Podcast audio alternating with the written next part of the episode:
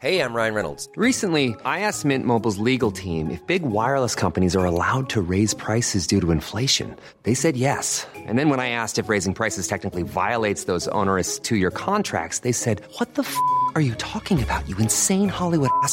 So to recap, we're cutting the price of Mint Unlimited from $30 a month to just $15 a month. Give it a try at mintmobile.com slash switch. $45 upfront for three months plus taxes and fees. Promo for new customers for limited time. Unlimited more than 40 gigabytes per month. Slows. Full terms at mintmobile.com.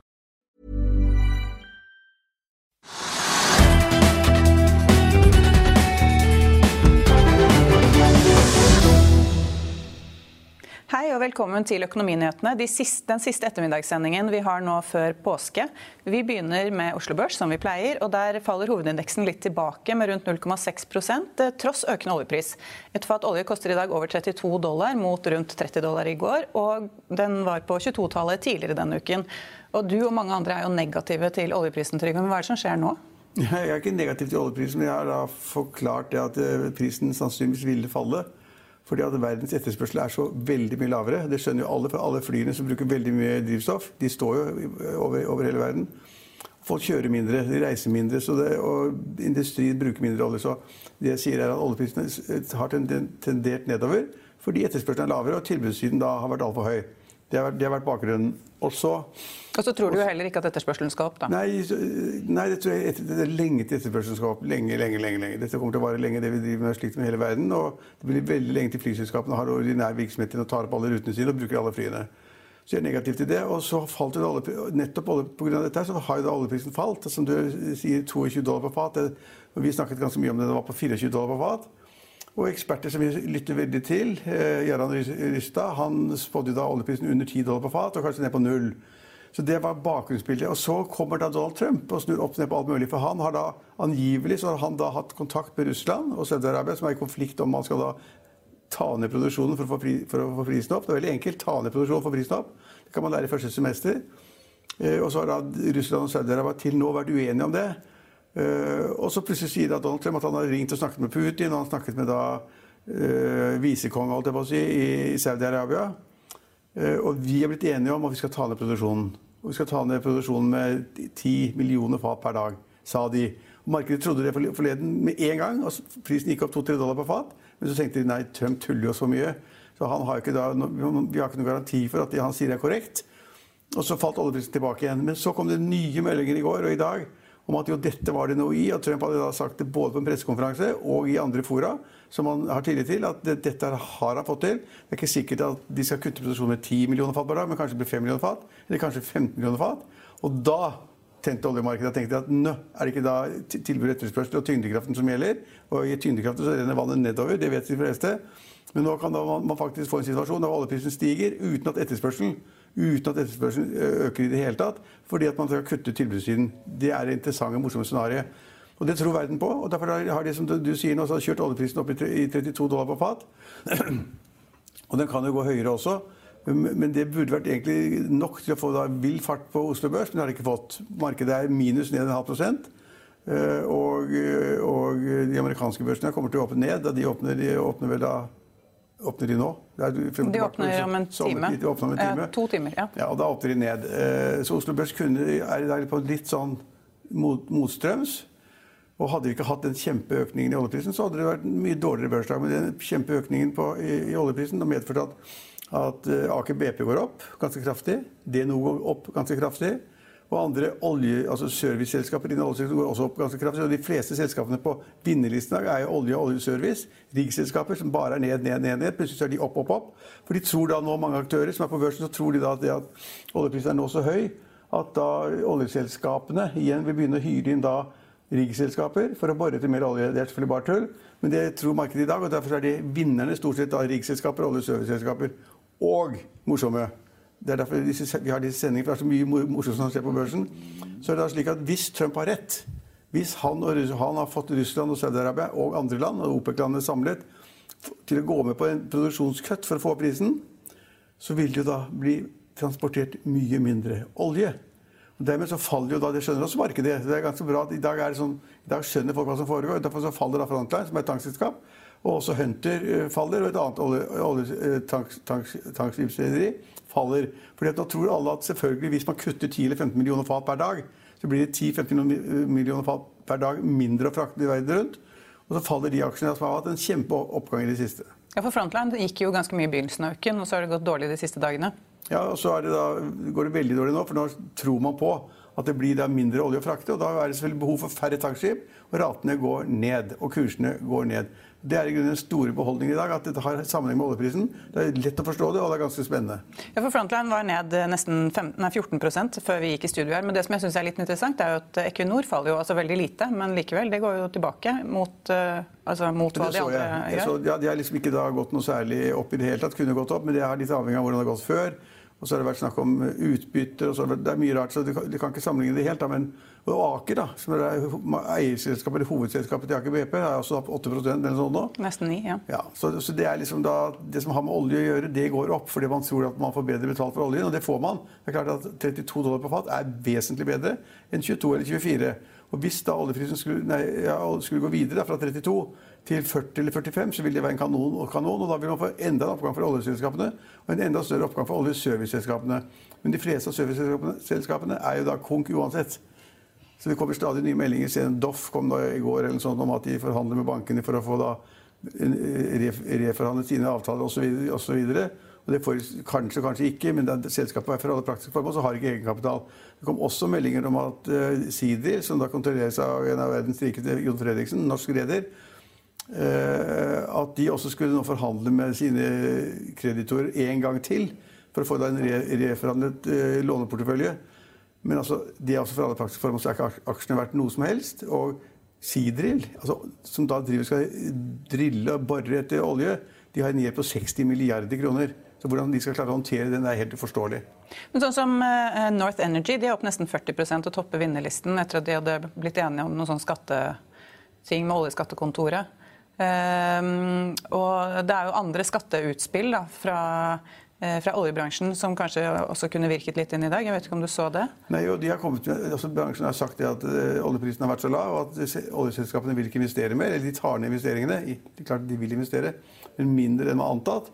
Og det er ikke bra for norsk økonomi. Og så har de da bedt om en særordning nå som da på en måte ikke får lavere skattesatser, hvor de får utsatt innbetaling, så at likviditeten blir bedre i, i, i de store selskapene som da som da skal bore for oljeselskapene. Så, ja, altså, nå prøver alle å få så mye de kan fra staten. Ja, For de vil vel at da staten skal dekke 90 av ja, eh, men, men, det, men det er liksom en utsettelse av skatten. Da. Det er ikke endelig fritak osv. Men, men det viser bare det at man i industrien har vært nervøs for at oljeselskapene ikke vil gjøre nok når oljeprisen er for lav. Og hvis oljeprisen øker, så vil det bli lettere for dem. Og nå går oljeprisen opp, så kanskje departementet ikke bryr seg så veldig mye om hva de sier.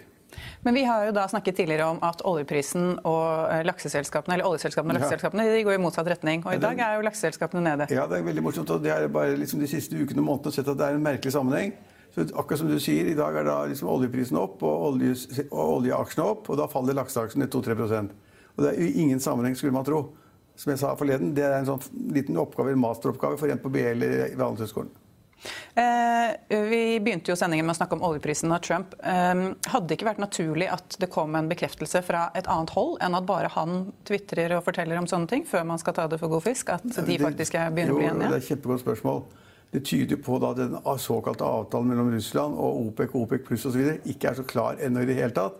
Og at Trump da i sin vane tro da kanskje har hatt en samtale, eller hans folk har hatt en samtale da med, med russiske oljemyndigheter og med saudiske oljemyndigheter. Og de har sagt at jo, vi er noe mer keen på å snakke om dette nå enn vi var tidligere. Det kan kanskje bli en avtale osv. Og så er Trump han er vant til liksom, han, han, skal vinne hele tiden. Det er liksom han som løser alle ting. Det var han som løste uh, virusproblemet. Det er han som har vært med på alt mulig rart. Enda han trodde at disse virusene skulle gå over innen påske. Som katastrofal uttalelse. Og, og, i januar sa han et eller annet om at uh, man hadde ikke det problemet i USA i det hele tatt. eller sånt, altså bare surr. Eh, men, så han har kanskje tenkt at hvis han nå at han får en seier, hvis han kan si at liksom, her har det vært et problem, oljeprisen er for lav, produksjonen er for høy, vi er skeptiske til å få den ned, så, tenkt, så, legger han det ut uten å tenke seg om, og så er det kanskje ikke en avtale i bunn, og da vil jo oljeprisen falle igjen. Men, men eh, altså Russland eller Saudi-Arabia burde jo på en måte komme på banen her snart? Ja, i, altså, eller kanskje ikke? Forbrukerne har jo godt av at oljeprisen er lav, bensinprisen er lav. Og fly, fly, flyfuel vil også bli lavere. så at man, Normalt sier man i verden det at en lav oljepris er bra for forbrukerne, konsumentene, og industrien og husholdninger og alt som er. Eh, og så er det ikke så bra for da, oljeselskapene, som tjener masse penger på, på å produsere oljen og selge den ja, altså, men Norge er jo et oljeland. Så for AS Norge så er det åpenbart tap med en lav oljepris. Og ikke bare er det det at AS Norge eier masse olje, oljefelt og er altså direkte eier, eier i masse av feltene. Men de får da skatter og avgifter fra oljeselskapene og andre selskaper som da er leverandører eller på annen måte deltar i hele oljevirksomheten. Og det går selvfølgelig utover AS Norge, de også ved lavere skatteinngang. Men har, altså, Det er jo kanskje ikke noen grunn, spesiell grunn til det, men sånn som f.eks. DNO, da, som er nå et av, mot normalt et av dagens mest omsatte selskaper, og de var opp rundt eh, 20, 20 altså, Hvorfor det? Hvorfor er det Har ikke peiling. Nei? Jeg ser bare at det er et oljeselskap. Ja. Det er jo. Ja, ja. Og lokalisert da i, Nord i Kurdistan, i Nord-Irak. Det har jeg ikke peiling på. Det er, det, er liksom, det er, for, lite informasjon som kommer ut, og man bare ser på at kursene går. Men det er et oljeselskap, og de får da full effekt av den høyere oljepris. Er det noen andre selskaper som du har bytta merke i på børsen i dag? Nei, jeg så på det samme som deg, på, på hvordan lakseselskapene gikk, gikk ned når, olje, når oljeselskapene gikk opp. Det er helt pussig, det er rare greier. Og så så jeg på tankaksjene, det fulgte jeg nøye med på. Og så så jeg også på en del av disse oljeserviceselskapene som jeg har vært, jeg har vært negativ i holdt på å si flere år, jeg, men i lang tid. Og som da kunne få et lite hopp i dag hvis da markedet tenkte at ah, nå kommer det til å gå bedre for dem. De kommer til å få flere oppdrag til høyere rater osv. Supply-skipene ikke sant? At de får betalt mer for å gjøre jobbene sine. og de disse, disse skipene som ligner på supply-skip, som er serviceskip til riggene, kjører frem og tilbake med varer og materiale, hva det måtte være at eierne der, de som spekulerer i de aksjene, ville da liksom ha en god dag, og det hadde de. Så de aksjene har gått opp mellom 10 og 20 Eh, det var jo veldig dårlige arbeidsledighetstall fra USA eh, tidligere denne uken, hvor det ble bare en dobling fra uken før. Og det var jo da nesten syv millioner amerikanere som søkte om ja, 6,8 tror jeg det var, eller noe sånt, som søkte om eh, arbeidsledighetstrygd for første gang. Og i dag så kom det jo også arbeidsledighetstall fra Norge med 400, over 400 000 som var enten delvis eller helt ledige. Og det er nesten 15% av arbeidsstokken. Har vi sett sånne tall tidligere? Aldri. Jeg, jeg, jeg, jeg var fleip, altså, jeg fleiper ikke med det, men jeg liksom spilte litt med tallene for et par uker siden. Da ledigheten, jeg trodde ledigheten skulle bli 200 000. Da var den 120 eller 130 eller noe sånt nå. Og så var, var ledigheten på, full, på vei pga. permittering på vei til 200 000. Og du må liksom være, du må være permittert for å få ledighetstrygden, ikke sant, dagpengene osv. Så, videre, så det henger sammen. Og da tullet jeg litt. Så sa jeg, det er vi er på full fart mot 400 000. Og tenkte jeg det kommer jo aldri til 400 000. 300 000 er jo veldig mye. Og nå var det 400 000. Det er vanvittig mye mennesker. Det er katastrofe. Og det blir jo flere. Fordi at over hele landet så blir folk permittert. Vi har en ganske gunstig permisjonsordning som gjør at de ansatte får full lønn de første, da, første 20 dagene innen 6G. Eh, og så får de da etter, etter, etter, at staten har vært inne og betalt lønn opp da, i, de første 20 dagene, så får da alle ansatte da, som blir permittert, så får de 62,4 av lønn opp til 6G. Og det er en romslig i, i internasjonal sammenheng, så er det en god, god ordning. Får man da bare håpe at disse tingene som er problemene, går over i løpet av noen uker. Og så har da de som da får mindre lønn enn normalt, de vil også da ha mindre reiseutgifter. De vil få litt lavere skatt. Altså det er en del fordeler som gjør at forskjellen ikke blir så stor som man kanskje tror. Men så lenge man har en såpass gunstig ordning om at staten tar de første 20 dagene, hvor de eierne, bedriftene, arbeidsgiverne tar tre dager Tre dager tar de, de betaler de tre første dagene. Så betaler staten de neste 17.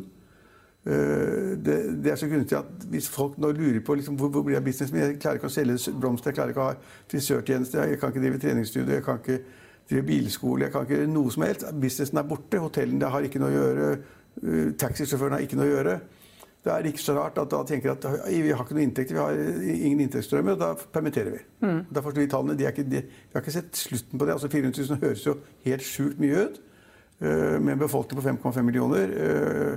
Og da må man tenke på at dette er folk i en arbeidsfør alder. ikke sant? Det er ikke pensjonister, ikke da under 18 år. Så det er utrolig mye, og det er, det er jo helt forferdelig. Men det blir flere. Ja, for Det var en økning på 274 fra februar. Mm. Men det blir flere. Ja, Vi er jo ikke ferdig med dette her ennå. Nei, vi er ikke ferdig med dette. Men nå sitter vi jo her eh, Dette er jo vår siste ettermiddagssending før påske. Eh, før vi møtes igjen, så er, er det etter påske først? Ja, ja. ja, Og da er det jo 13. Mars, så, nei, 13. april så legger jo regjeringen frem Altså opp, oppfølgingen av, av, tiltakene. av, tiltakene. eller retningslinjene. Da. Mm. Og hva slags forventninger har du til det? Mye kan jo ha skjedd før vi er her tilbake? Jeg har ikke så veldig store forventninger. Altså, jeg tror kanskje de kommer til å gjøre noe på, på, på skolebarn og, og, barnehager. Kanskje for å vise vilje til å si at det, det går jo litt bedre i Norge, faktisk. Altså Tallene ser litt bedre ut. Men det som er problemet, er jo det at altså, man, de, de skal nå forsøke å, å slå viruset helt bort. Korona. Helt ut. Men poenget er jo det at, og det kan de kanskje klare, hvis de stenger Norge helt ned og begynner med portforbud og alt som, som man gjør i andre land, så kan man få det ut. Men så kommer det én besøkende på en eller annen flytransport om tre måneder til Norge. På fly så smitter den personen kanskje 20 andre, og så har de gående igjen. Så spørsmålet hva gjør man? Altså det, er, det er ikke over til man tror man har liksom fått det nesten ned, og at kurven er flatet ut. Og det er under hver smittet smitter under én. Da blir det borte etter hvert, kan man tenke seg. Men problemet er, syns jeg, da, at, det er at eh, problemet er ikke løst. Fordi du kan så lett få det igjen. En, en person sitter på et fly og er smittet fra Italia, kommer til Norge, og så nyser han på flyet på, på statsflyet eller på flybussen, og så er 20 nye smittet. Hva gjør man da? Så jeg, og jeg tror at Regjeringen derfor kvier seg for å liksom løse for mye opp. De liksom vet at Vi er ikke kvitt det der, vi må bare ta og holde på holde på. holde på. Og så har de masse kritikk da mot at hyttene nå er stengt i påsken. kommer folk hjem fra de får, de får ikke påskeferien. De har gått gjennom hele påsken og gått rundt der hvor de bor i leiligheten eller huset. hva det måtte være, og det blir ganske kjedelig etter hvert. Og så kan de ikke blande seg med andre mennesker. Det skal ikke være mer enn fem mennesker samlet på ett sted. og Ikke kan de gå på en restaurant, ikke kan de gå på en bar. Knapt tør de gå i butikker og handle. Og så er påsken stengt halvparten av dagene. så regjeringen vil kanskje finne på noe. og Da kan det være å åpne for noe skole, skolevirksomhet og kanskje, kanskje barnehager. Men mer enn det tror jeg ikke de kommer til å gjøre. Og Det er jo det store spørsmålet er, skal da de stengte hyttene, som folk ikke får bruke i påsken, skal de da være stengt i sommeren?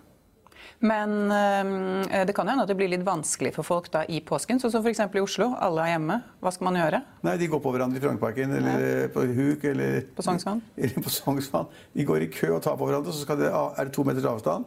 Det klarer man ikke å holde.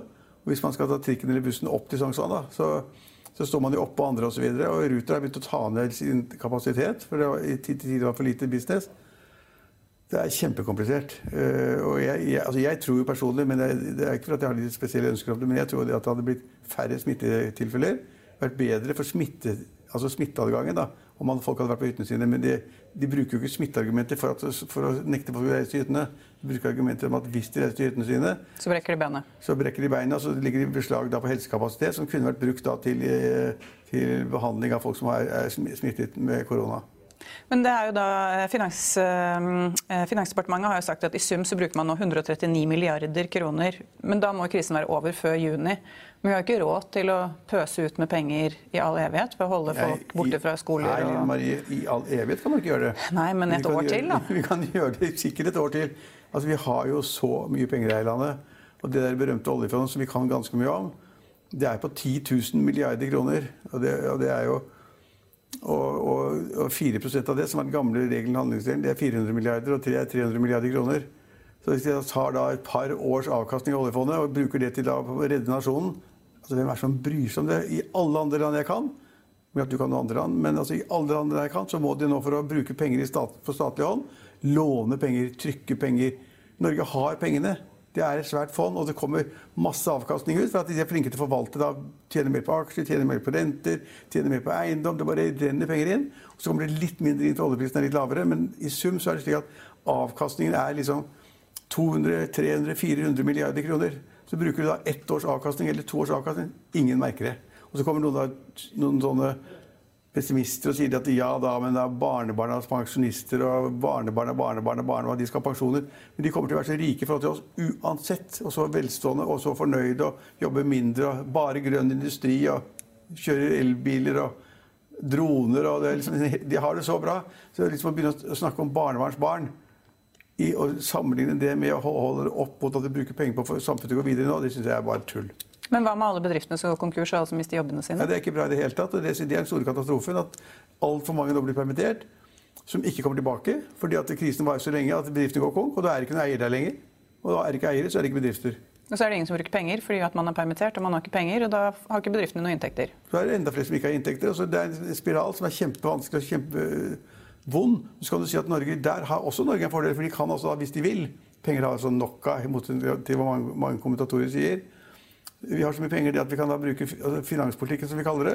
At staten da kan bygge flere broer, flere veier, flere eh, sånne, sånne beskyttelser Hva heter det? Sånne, ja, sånn, med midtdelere og nå er. Ja. Eller, eller sånne, sånne oppe i fjellet for å hindre da, at vi får ras osv. Rassikringsgreier. Vi kan bygge nye skoler, mer sykehus. Vi har penger til å gjøre alt mulig der, og det bør vi gjøre. Men det har ikke vært... Pengepolitikken, lav rente. Fiskalpolitikken bruker pengene i, offentlig, i, i, i det offentlige rom. Kjempefint. Og det er jo ikke bare du som mener at man skal bruke mer oljepenger. Det mener også sjeføkonom eh, Jan Ludvig Andreassen. Han mener at vi må bruke enda mer oljepenger fremover, og at få nordmenn egentlig rammes av koronakrisen. Jeg har med meg sjeføkonom Jan Ludvig Andreassen i Eika-gruppen.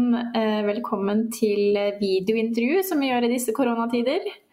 Jo, takk. Nære å få være med.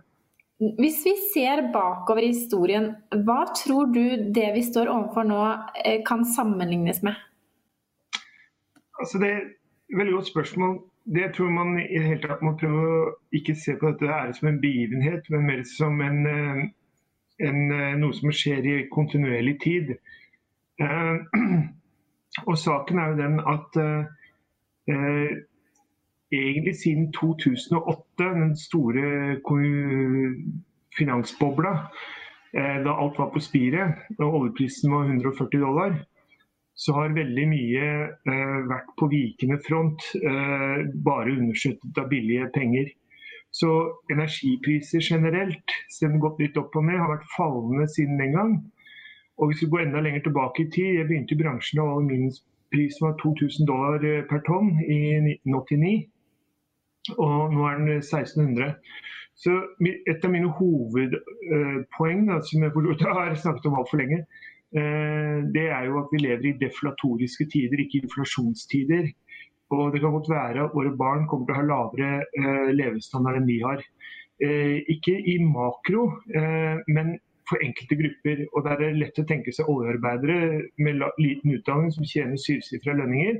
At barna deres kommer til å ha en dårligere lønn også 20-30 år frem i tid. Så det, det tror jeg er en av hovedpoengene. Det er deflatoriske tider. Det andre tror jeg er eh, at vi lever i en tid Millions of people have lost weight with personalized plans from Noom, like Evan, who can't stand salads and still lost 50 pounds. Salads, generally, for most people, are the easy button, right? For me, that wasn't an option. I never really was a salad guy. That's just not who I am. But Noom worked for me. Get your personalized plan today at Noom.com. Real Noom user compensated to provide their story. In four weeks, the typical Noom user can expect to lose one to two pounds per week. Individual results may vary. I'll see you in court. Vi sier det ofte litt på spøk, men for deg som driver business, er det aldri moro å innse at du ikke har laget en 100% gyldig kontrakt. Du bør ikke risikere hele firmaet ditt fordi du synes dette med kontrakter er litt stress. En avtale er ikke en avtale. Du kan miste kunder, miste venner, ja, til og med miste inntekter om du ikke lager en skikkelig kontrakt, på alt mulig, egentlig. Men vi vet det er et styr, kopimaskiner, tregprinter og haugevis av papir. Dessuten stoler vi jo på folk her i landet. Det er ofte litt kleint å skulle be om en signatur for alt mulig, ja, for mye av styret handler også om jakten på underskriften. Det finnes en enkel måte å løse dette på, Dukkobit. En trygg, effektiv og get this, gratis måte å sikre seg en god natts søvn pluss en juridisk bindende avtale. Dukkobit-appen har de strengeste sikkerhetskrav i bunn, samt en EU-godkjent og sertifisert teknologi. Framover vil det bli behagelig å spørre du, skal vi skrive under på det, eller? Kom i gang på dukkobit.no. Hvor renta aldri kommer opp igjen. Og det, begge deler det henger sammen. Eh, men egentlig, det har kommet et forskningsarbeid uh, i februar i år fra Bank of England som påpeker at rentenivået egentlig har tendert nedover i flere hundre år. Så det kan være noen større sammenhenger bak det. Men i alle fall så er det slik at uh, Bank of England uh, startet i 1694 med en rente på 8% Den har aldri vært under 2% før 2009. Og den kommer aldri tilbake igjen til over 2% igjen. Og Det er et uttrykk som vi for at vi lever i en helt annen rentetid enn vi gjorde før. Men du har jo ønsket å se eh, nullrenter og negative renter. Og Norges Bank har vel aldri vært nærmere det, ditt scenario enn de er akkurat nå. Kommer vi lenger ned? Uh, det er ikke noe jeg ønsket det. Har mer sagt at det er nesten uunngåelig, den veien vi har marsjert, at vi blir som Japan. Uh, og nå tror jeg at er liksom Japan, at vi blir som Japan, er kanskje sånn best case, uh, mer enn worst case-scenario. Eh, nå ligger vi nær null i Norges Bank, og det er priset inn i markedet at eh, det er eh, krone eller mynt om de går helt til null, eller om de holder seg på 0,25. altså De lange FRA-ene er på rundt halv prosentpoeng. og Det er faktisk en liten overvekt da, for at de går til null. Men det spiller ingen rolle. fordi For bankene så er det problematisk med lavere renter enn vi har i dag. Så det du, uh, For kunden så er det ikke sikkert at du får så mye glede av uh, et nytt rentekutt. Fordi bankene må øke sin rentemargin. Om ikke like mye, så i hvert fall må spise mye av den kartingen som måtte komme. Men mange har sagt at det vi står oppi, som på en måte er drevet frem av denne koronaepidemien, eller pandemien, det, det kan være verre enn finanskrisen. Og for mange så var finanskrisen kanskje det verste man noen gang har opplevd. Eh, er dette verre for Norge enn det finanskrisen var? Uh, det som jeg tror begge deler var egentlig litt sånn skjellsettende begivenheter i en hva jeg kaller deflatorisk tid. Hvis du tenker enda lenger tilbake, så, hadde vi et IT-krakk i 2001. Og det forløste seg først ved en sånn boligboble eh, i 2003 til 2006-2007. Eh, den stoppet i USA i 6, men den fortsatte i Norge, inn i Norge helt fram til 2008. Eh, med, og da, da var kredittveksten 15 i Norge. Eh, og så eh, kollapset det igjen, og så er vi tilbake hit. og nå er vi kommet til veis ende, tror jeg, den kredittsykelen. At vi kommer til, selv med null i rente, så kommer ikke folk til å låne særlig mer penger. Eh, Kredittvekst i Norge har lenge vært fallende, også før, eh, dette, før eh, korona kom. Eh, og eh, så vi kommer til å være i en sånn tidsalder nå med lav vekst, lave renter, usikker på fallende priser. Folk kommer til å spare mer selv om de ikke får noen avkastning på pengene sine. Eh, og så tror jeg det siste poeng som er veldig viktig, eh, og det er at eh, vi vil reise mye mindre, vi vil være mye mindre på konserter. Vi vil være mye mindre i sånne fellesengasjement hvor vi klemmer og tar på hverandre osv. Eh, og det påvirker en veldig stor andel av befolkningen som har tjent gode penger på å arrangere fester, konserter, eh, reiselivsbransjer, eksotiske turer til Afrika osv. Hele den næringa der, den er trua, den. Den er virkelig trua. Men altså, vi skal fortsatt kjøre bil, og vi skal fortsatt ha mat og mye rart. Det er i hele tatt veldig lite påaktet om vi kaller det en stor krise. Eh, I Norge er over halvparten av befolkningen, den voksne befolkningen over 18 år, enten på trygd eller jobber i offentlig sektor. Av de to millioner mennesker som er i privat sektor, så er det egentlig bare 400 000 som er ramma. 1,6 har det helt bra. Eh, med mindre du får noe Selvfølgelig vi blir aldri psykisk påvirka og sjokket av dette her. Men vi har det brillefint. 1,6 millioner av oss. Så dette er en krise som slår utrolig hardt for en liten gruppe av eh, mennesker som levde kjempegodt så sent som februar i år. Det er det som er litt unikt med denne krisen. Finanskrisen rammer litt alle. Denne krisen her er en virkelig sånn eksistenstrussel for 400 000 arbeidstakere og deres familier. Det er jo ventet at vi vil se høyere arbeidsledighetstall enn det vi ser akkurat nå. Eh, hvor, hvor, mange tror du vil være arbeidsledige ved utgangen av 2020? Ja, Nå kom det akkurat tall, og jeg hadde bare tippa ut av det blå. Det skulle bli 13% Det ble 11,7. Nei, det, det, jeg håper å si det avhenger av hvordan vi tar det. Og eh, Her er det mye forvirrende samtaler i det offentlige rom. Eh, fordi Det Keynes kunne fortalt det på 30-tallet, og eh, han stressa ikke noe særlig med det. Eh, han bare anbefalte politikerne å bruke mer penger. Eh, og ha et avslappa forhold til underskudd og gjeld og det greiene der. Iallfall Norge burde ha avslappa forhold til å bruke penger. Eh, husk når vi var i finanskrisen så oljefondet på 2500 milliarder kroner. Og Jens Stoltenberg med stor skrøt og vi har så mye muskler og her skal vi ta i. og største politiske pakka noensinne, bla, bla. Eh, nå har vi 10 000 milliarder kroner. Altså, vi har fire ganger så mye penger som vi hadde den gangen. Og nå er liksom folk veldig påholdne med at nei, nå ikke være uansvarlig og tenk på fremtidige generasjoner og sånn. Så dette her egentlig er, for å si det rett ut, dette er bare tull. er bare tull. Eh, vi trenger ikke ha så høy arbeidsrett hvis vi ikke ønsker det. Eh, og så gjør jeg da som Keynes. Han avsluttet arbeidet sitt klokka fire, ga politikerne råd, gikk på restaurant, spiste middag, og så gikk han i teater og koste seg. Så jeg har ikke tenkt å bli stressa av det. Jeg ser på det bare liksom litt sånn enfoldig økonomi og drive nå og mase om seg penga.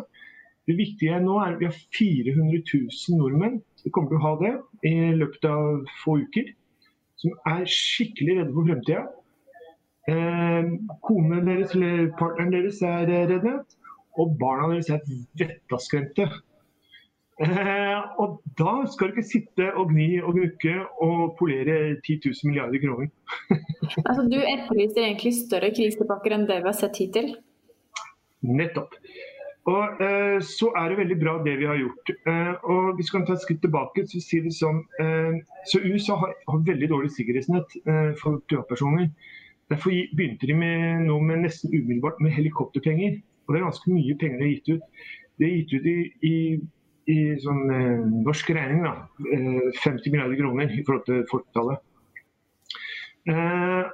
og her tenker jeg altså alle disse vettaskremte familie, permitterte familiene får en eller annen trygghet på at de får hjelp. Eh, kanskje kan de få 100 000 kroner i gjeldslette hver seg på sitt boliglån. Eh, et eller annet sånt. Det, det, som er farlig her, er å huske på at vi har noen helter som er lavtlønte. Og du må aldri gi pakker som er så rause at de føler at uh, dette er urettferdig. At de står på i dagligvare, rengjøring, eh, sykehus og sånn. Og så skal jo liksom de permitterte gutta ha det mye bedre. Så, men i det hele tatt, det å være ekstremt raus med de som er permitterte, eh, det tror jeg er eh, åpenbart eh, klok politikk. Så, så, må også sies det at eh, vi hjelper bedriftene. Eh, og det må også gjøres. Eh, og her er det, det er veldig vanskelig dette her med utbytte og lederlønninger. Igjen fordi mange arbeidsfolk skjeler til at han, direktøren han kjører jo fortsatt forsvarssida osv. Og da, da, må vi alle, også vi banken, vise måtehold. Eh, og, og, og, huske på at det er folk der som sliter livet av seg for å holde hjulene i gang og berge oss gjennom krisen. Eh, som eh, nå ikke, ikke, får det eh, noe særlig disse pengene. Men, og, og her, her, her, vil også faktisk få lov å si det må være mulighet til å gi et ordentlig fett julegratiale til alle de som har stoppa nå. At staten kan når alt dette her er over. Takk for innsatsen, folkens. Alle sykepleiere får x antall kroner. Alle som sitter i kassaapparatet får x antall kroner. Alle som er med rengjøring får x antall kroner. Som en engangs påskjønnelse. Det spiller nesten ikke noen rolle hva du gir. Nei. Men uh, hvis vi Vi ser jo nå at La oss si at det blir rundt 400 000 som umiddelbart merker uh, en annen arbeidslivssituasjon. Men vi har jo også mange som frykter for boligverdier. Man venter at boligprisene skal falle, som igjen kanskje påvirker økonomien til flere enn de som er permittert eller sagt opp. Altså, Hva er ditt råd til nordmenn for å komme seg helskinnet gjennom denne situasjonen? Nei, altså, så, så uh, igjen, hvis du er 1,6 en av de jeg håper å si uh, eh, 3,5 millioner da, eh, voksne nordmenn som har, kommer deg rimelig greit gjennom dette, her, så er det ikke noen stor nedtur. Blant annet så har du fått, hvis du har boliglån, betydelig rentefall. så, men det er klart at i mange områder, f.eks. der i Agder, Rogaland, Harstad, oljebyer osv., så er, eh, vil boligmarkedet nesten uunngåelig måtte falle litt tilbake. Fordi at eh, det er næringseffekter av at eh, oljeprisen Selv om den kommer opp igjen til 40 dollar, så er det ikke de 70 vi hadde håpet på. Og det er egentlig ikke noe vits å bore etter olje i Barentshavet osv. Men, det er ikke noe penger der. Så i de områdene der så er det egentlig ikke så mye annet å gjøre enn å, enn å vente det ut. Og Da vil jeg også gi myndighetene det råd. Husk, her, dette området med deflasjon. Og I alle områder med deflasjon så kan du pøse på med litt ekstra penger. Så F.eks. Agder, Rogaland og Harstad så kan staten gå inn og dekke alle kommunale avgifter og eiendomsskatter for i år og neste år. Det er lite påslag. Det er 10 000-20 000 per husholdning per husstand. Eh, koster ingenting i det lange løp. Mer penger ut fra regjeringa og det kommunale, men, men, stå over til den tiden vi er inne i, da, Jan Ludvig. Det er jo påske. Blir det noe påske på deg i år? Ja, jeg har fått båten på vannet. Så det her er, det, og så var jeg litt bekymra når Monica Mæland ute sa at det folk må komme seg i båt. Og det har jeg tenkt å gjøre min borgerplikt med. Så det her blir bra. Men så andre mener jo at påsken i år er avlyst, fordi den selvfølgelig ikke vil ligne på noe man har opplevd kanskje tidligere noen gang. Men du går så langt som sier at også sommeren kan bli en katastrofe. Ja, og det er og igjen litt blandet, da. Fordi at uh, alle de store oversjøiske turoperatørene uh, de vil nok kansellere europareisene sine. Og, og Da er også norske-turen gjerne bare sånn haleheng det siste du gjør da, før du tar fly hjem til eh, Chicago eller Hongkong. Det er liksom å ta en tur rundt fjordene og bo i hotell i Flom osv. Så, eh, så det blir en veldig tøff reise. Og så prøver jeg å si det på den måten at uh, I det lange løp så er det likevel norsk reiseliv nesten garantert en av vinnerne av det som nå skjer. Fordi mange år fremover så kommer koronaviruset til å være overalt i Afrika, Asia og Latin-Amerika. Eh, folk kommer til å kvie seg for å ta med seg familie, og spesielt de gamle kommer til å kvie seg for å reise dit. En kan egentlig spørre seg om regjeringen burde legge ned forbud mot å reise til eh, hardt rammede koronaområder i 2021 og 2022. Og vi har, bruker over 100 milliarder kroner på utenlandsferier, vi nordmenn. Mye av de pengene kommer hjem igjen. Mye av harryhandelen vil opphøre hvis svenskene kjører løpet ut og skal drive sånn uh, immunisering av folket. og så Korona skal være fritt i Sverige i flere år fremover. Uh, da igjen kan vi bare stenge svenskegrensen, spør du meg. Hvis de velger å ta en helt annet skjær enn vi gjør, hva, er vitsen med det vi holder på med hvis svenskene har liksom bare full koronafri flyt?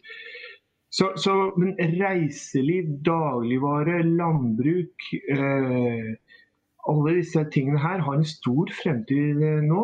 Eh, takket være at folk kommer til å være mye mer hjemme enn før og bruke feriepengene sine før. Husk, vi skal ikke ha mindre ferie enn før. vi skal like mye ferie som eh, vi, har, vi har hatt. Bare nå skal vi ta mye mer av den ferien her hjemme i Norge. Og til slutt så vil jeg si om hyttemarkedet. Det tror jeg er noe av det samme du ser der. Nå, I mai kommer folk til å si nei, dette orker jeg ikke mer, nå selger hytta. Men det kommer eh, tilbake igjen. Hyttemarkedet kommer. Ja, Det får være en, en, eh, positiv eh, slutt på noe som er alvorlig, men som kan bli bedre. Hvis jeg skal tro det er rett, hvis regjeringen er villig til å bruke mer midler. Våre nyhetssendinger og podkaster på finansavisen.no. slash podkast. Og Det var vår siste ettermiddagssending før påske, men i neste uke har vi TV-sending hver dag klokken ti. Følg med oss igjen da. God helg.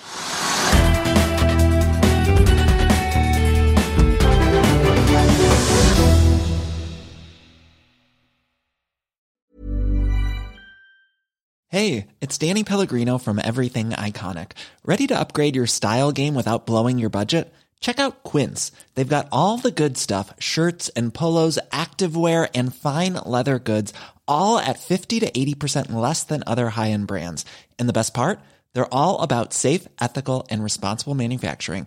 Get that luxury vibe without the luxury price tag. Hit up quince.com slash upgrade for free shipping and 365 day returns on your next order. That's quince.com slash upgrade. When you make decisions for your company, you look for the no brainers. If you have a lot of mailing to do, stamps.com is the ultimate no brainer. Use the stamps.com mobile app to mail everything you need to keep your business running with up to 89% off USPS and UPS. Make the same no brainer decision as over 1 million other businesses with stamps.com. Use code PROGRAM for a special offer. That's stamps.com code PROGRAM.